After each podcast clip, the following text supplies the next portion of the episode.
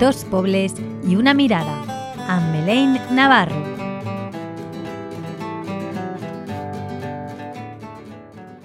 Pensem amb la llengua? Què dius? Bon dia. Hello. Hi havia un estudi en 2013 titulat La nostra llengua materna pot afectar com pensem sobre el món que ens envolta. Ho sabia des que tenia 19 anys. Cap estudi m'havia de dir que Moon no era el mateix que Luna. Era l'any 1969. Estava passant l'estiu a Mèxic. L'Apolo 11 va portar Neil Armstrong a la Lluna aquell any al juliol. Moon significava naus espacials, astronautes, missió lunar. Un home caminant per la lluna. Va ser un mes increïble. Però aquell juliol de 1969 estava enamorada. Luna significava una llum preciosa que sortia darrere dels núvols, entre les branques dels arbres, una parella agafats de la mà passejant pel parc Chapultepec. Va ser un mes increïble. En la meua ment, les paraules no tenien res a veure entre si. Moon, luna que se quiebra sobre les tinieblas.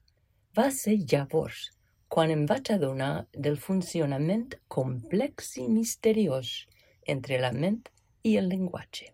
Al principi vaig pensar que estrany, però aleshores vaig començar a veure tota mena de diferències d'expressió entre les paraules de les dues llengües. I ara puc afegir-ne una tercera, el valencià, com ara, per a mi, midnight. Fa una mica de por. Hom sent més vulnerable a aquella hora. Què hi pot haver a la volta de la cantonada? Per altra banda, medianoche és romàntica, l'hora de les serenates i petons, sota la luna. I la mitjanit és el moment en què ens acomiadem dels nostres amics després del sopar dels divendres. Mira quina hora és. Bona nit. No, no són iguals. Hi ha una diferència bastant enorme entre la por i una abraçada, no? Sigui romàntica o no. La diferència més evident és com cadascú descriu un contratemps. Per exemple, amb un got de llet. En anglès, la culpa la té la persona. I dropped the glass of milk. Literalment diu jo vaig deixar caure el got de llet. Va ser culpa meua. He de tenir més cura. En castellà i en valencià, una persona només presencia l'incident. Se me cayó el vaso de leche.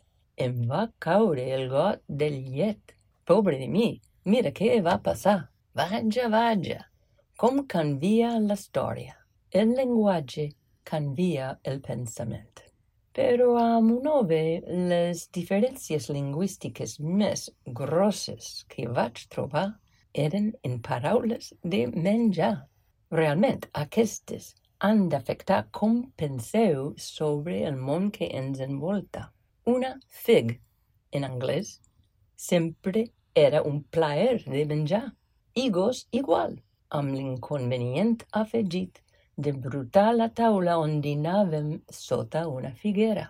Però, per favor, es menciona menjar una figa en valencià i tots s'espixen de riure.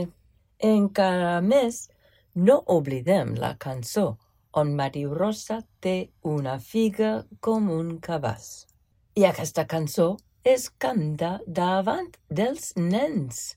Ai, Uh, bé, veig que el tema necessitarà un altre capítol.